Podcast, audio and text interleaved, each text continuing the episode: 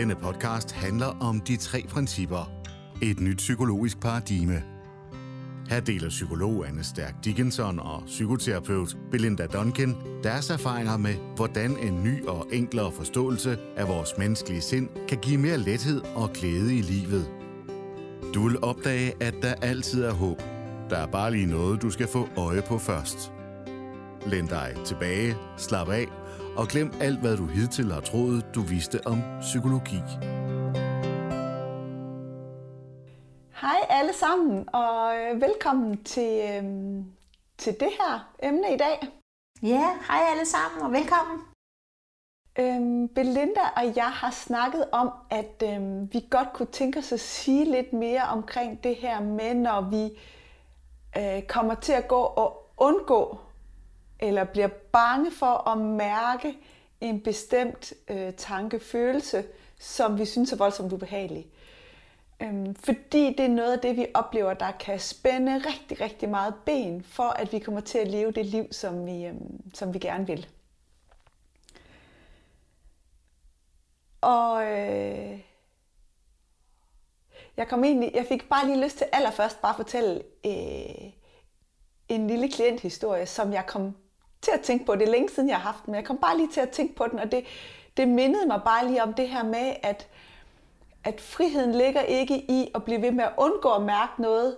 Friheden ligger i, når vi opdager, at når ja, det er okay at mærke øh, det, som jeg går og er bange for. Så det er det, vi sådan godt kunne tænke os at snakke lidt videre om.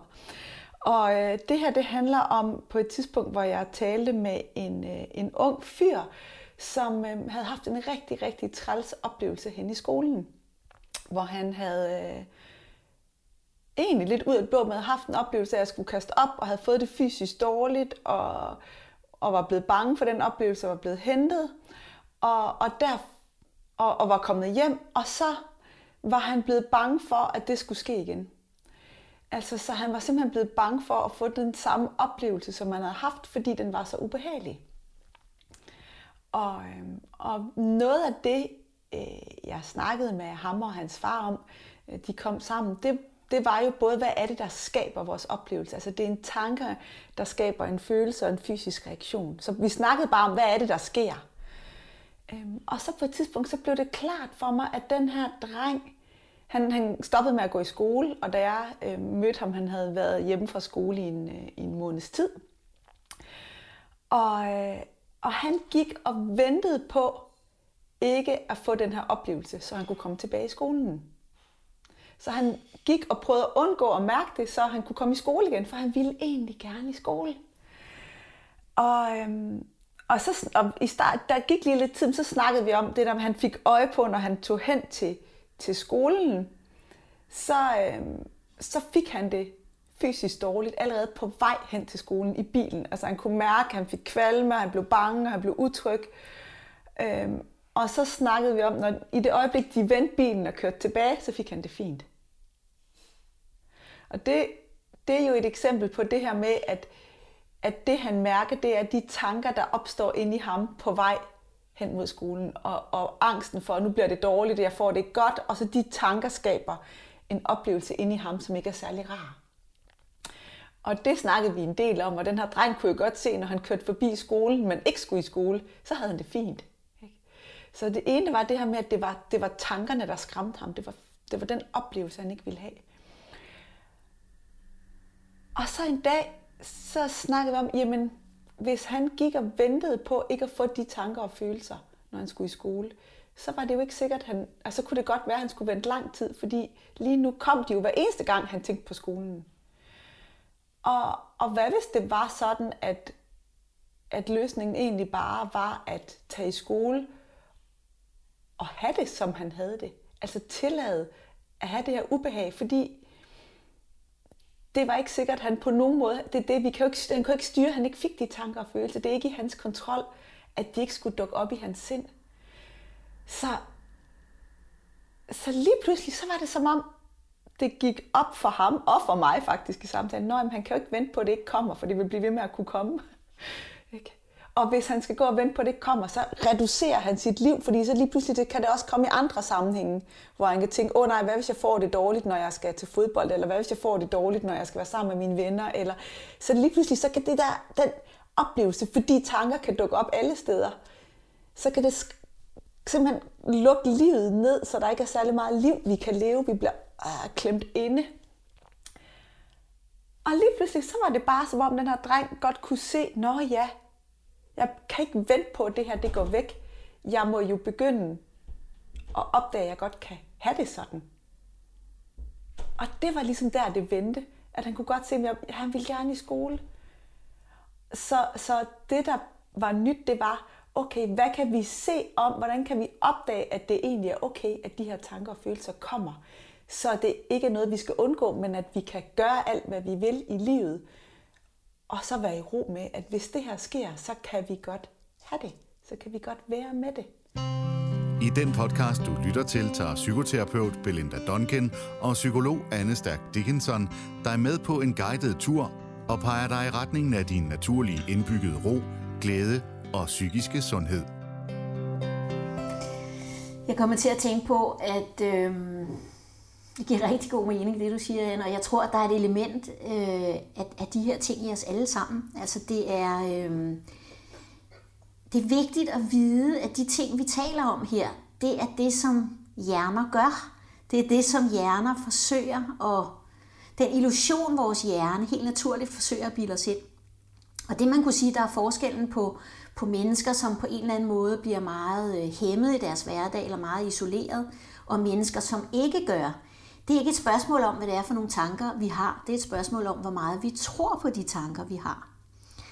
Øh, så man kan sige, at de mennesker, som, øh, som begynder at isolere sig og lade være med at gå ud i verden og undgå ting osv., de har, øh, de har en meget stor tiltro til de tanker, der dukker op i deres hjerne og tror, at de er en afspejling af virkeligheden. Og de mennesker, som ikke har det sådan, som egentlig bare formår at mærke ubehaget kortvarigt, men alligevel at gå igennem det, de er ikke så optaget af indholdet i deres tanker, eller overbevist om, at det tankerne fortæller dem, det er rigtigt. Og jeg kommer til at tænke på, at, øh, at jeg har haft en, øh, en klient her i et stykke tid, og, og nogle af vores samtaler har kredset en lille smule om, øh, om hendes datter. Hun har en datter på en 10 år eller sådan noget.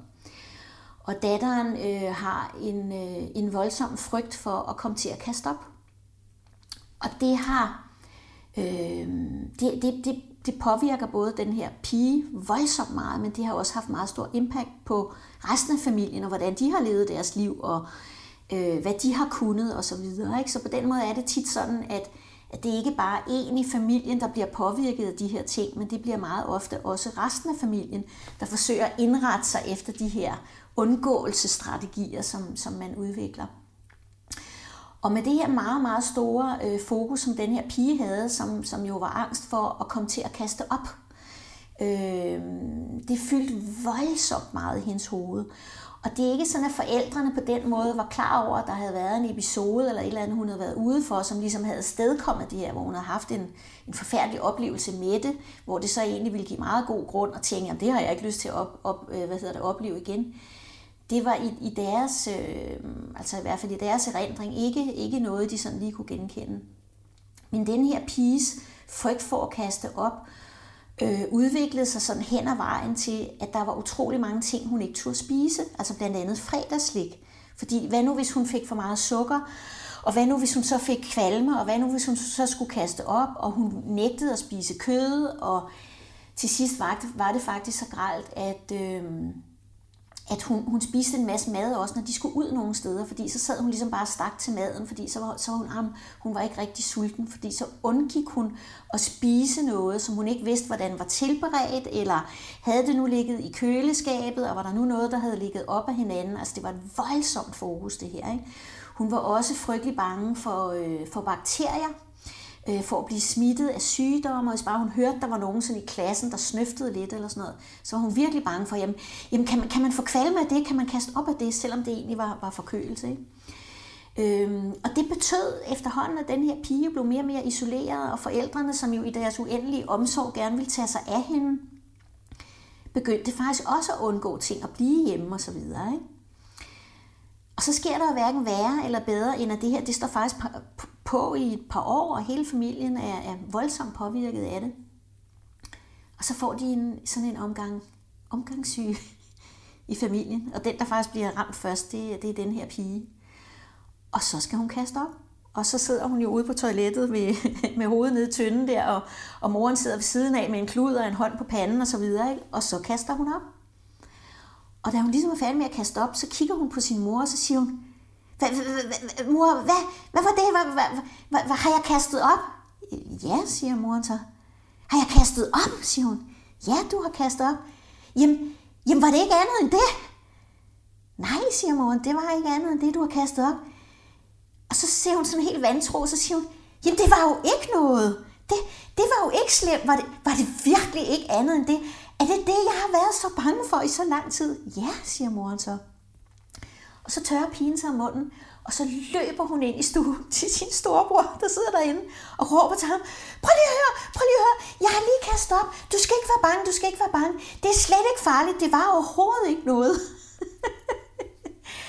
og for dem var det ligesom det, der løste det, man kan sige, det var ikke noget, pigen selv havde valgt eller noget, hun selv havde valgt at gå igennem, det var noget, der på en eller anden måde, det var livet, kan man sige. Det var egentlig livskraften, der løste for hende. Fordi pludselig bliver hun udsat for det, hun har gået og været så bange for i så lang tid.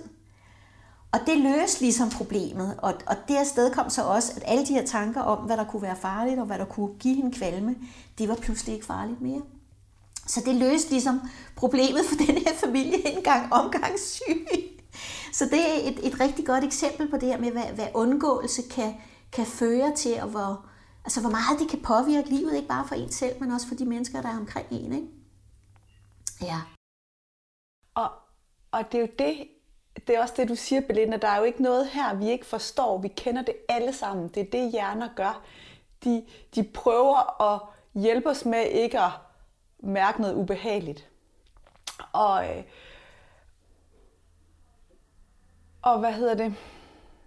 Jeg tænker, det, jeg forestiller mig, at du sidder derude og kan genkende det, fordi det kan være, at du ikke har lyst til at øhm, tale foran mange mennesker, eller du ikke har lyst til at søge et job, fordi så kan det være, at du bliver skuffet, eller sige nej, så folk ikke, fordi uh, så kan det være, at de ikke kan lide dig længere, eller, altså der er jo alle mulige ting, som vi lader være med at gøre, fordi vi har hjernen siger, men så kan det her ske, og det er ubehageligt.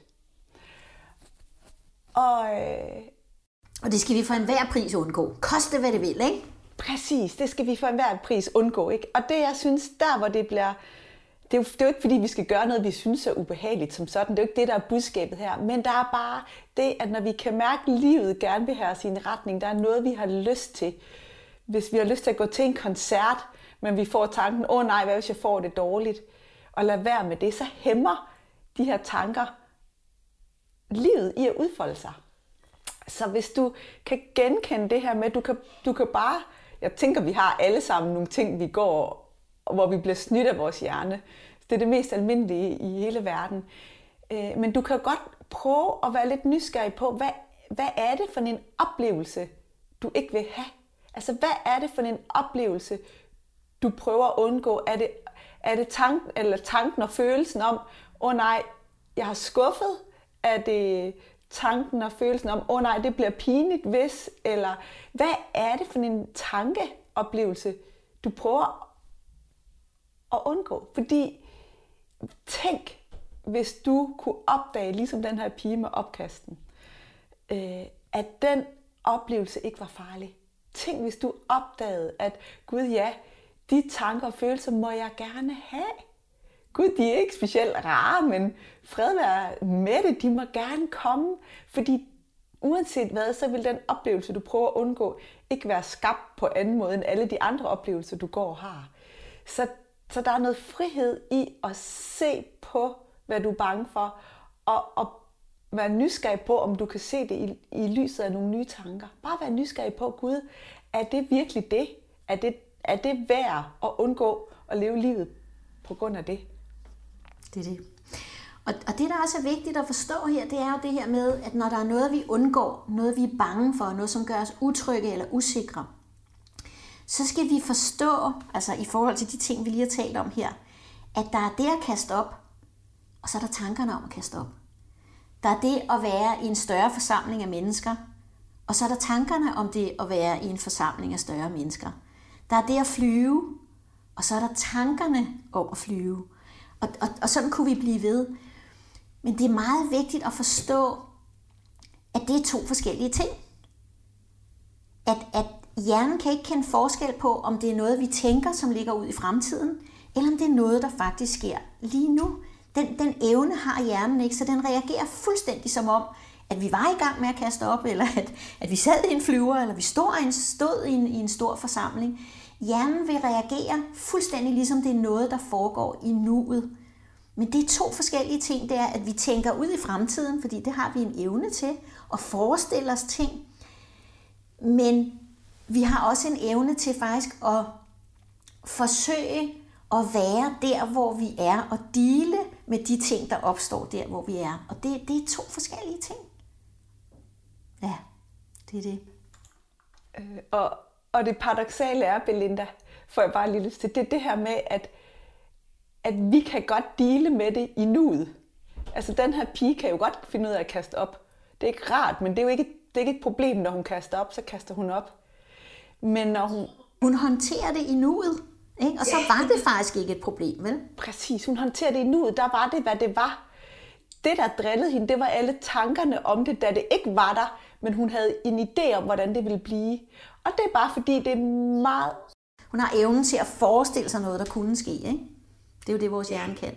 Ja. Så det er meget, meget, meget lettere for os at dele med det, håndtere det, når det sker.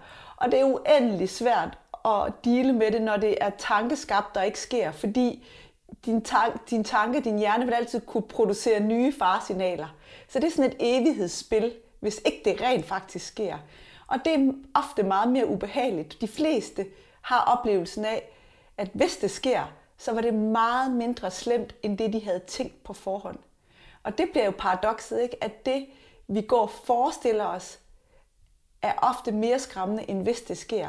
Og vi holder os tilbage på baggrund af forestillingen om, hvor ubehageligt det er. Præcis. Det er det. Ja. Skal vi sige, at det var det for i dag?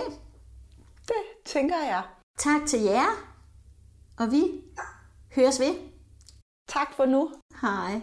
Hej. Tak fordi du lyttede med til de tre principper med Stærk og Duncan. Vi håber, du har fået øje på noget nyt, og du føler dig inspireret til at gå på opdagelse i livet med friske øjne, et åbent hjerte og et nysgerrigt sind.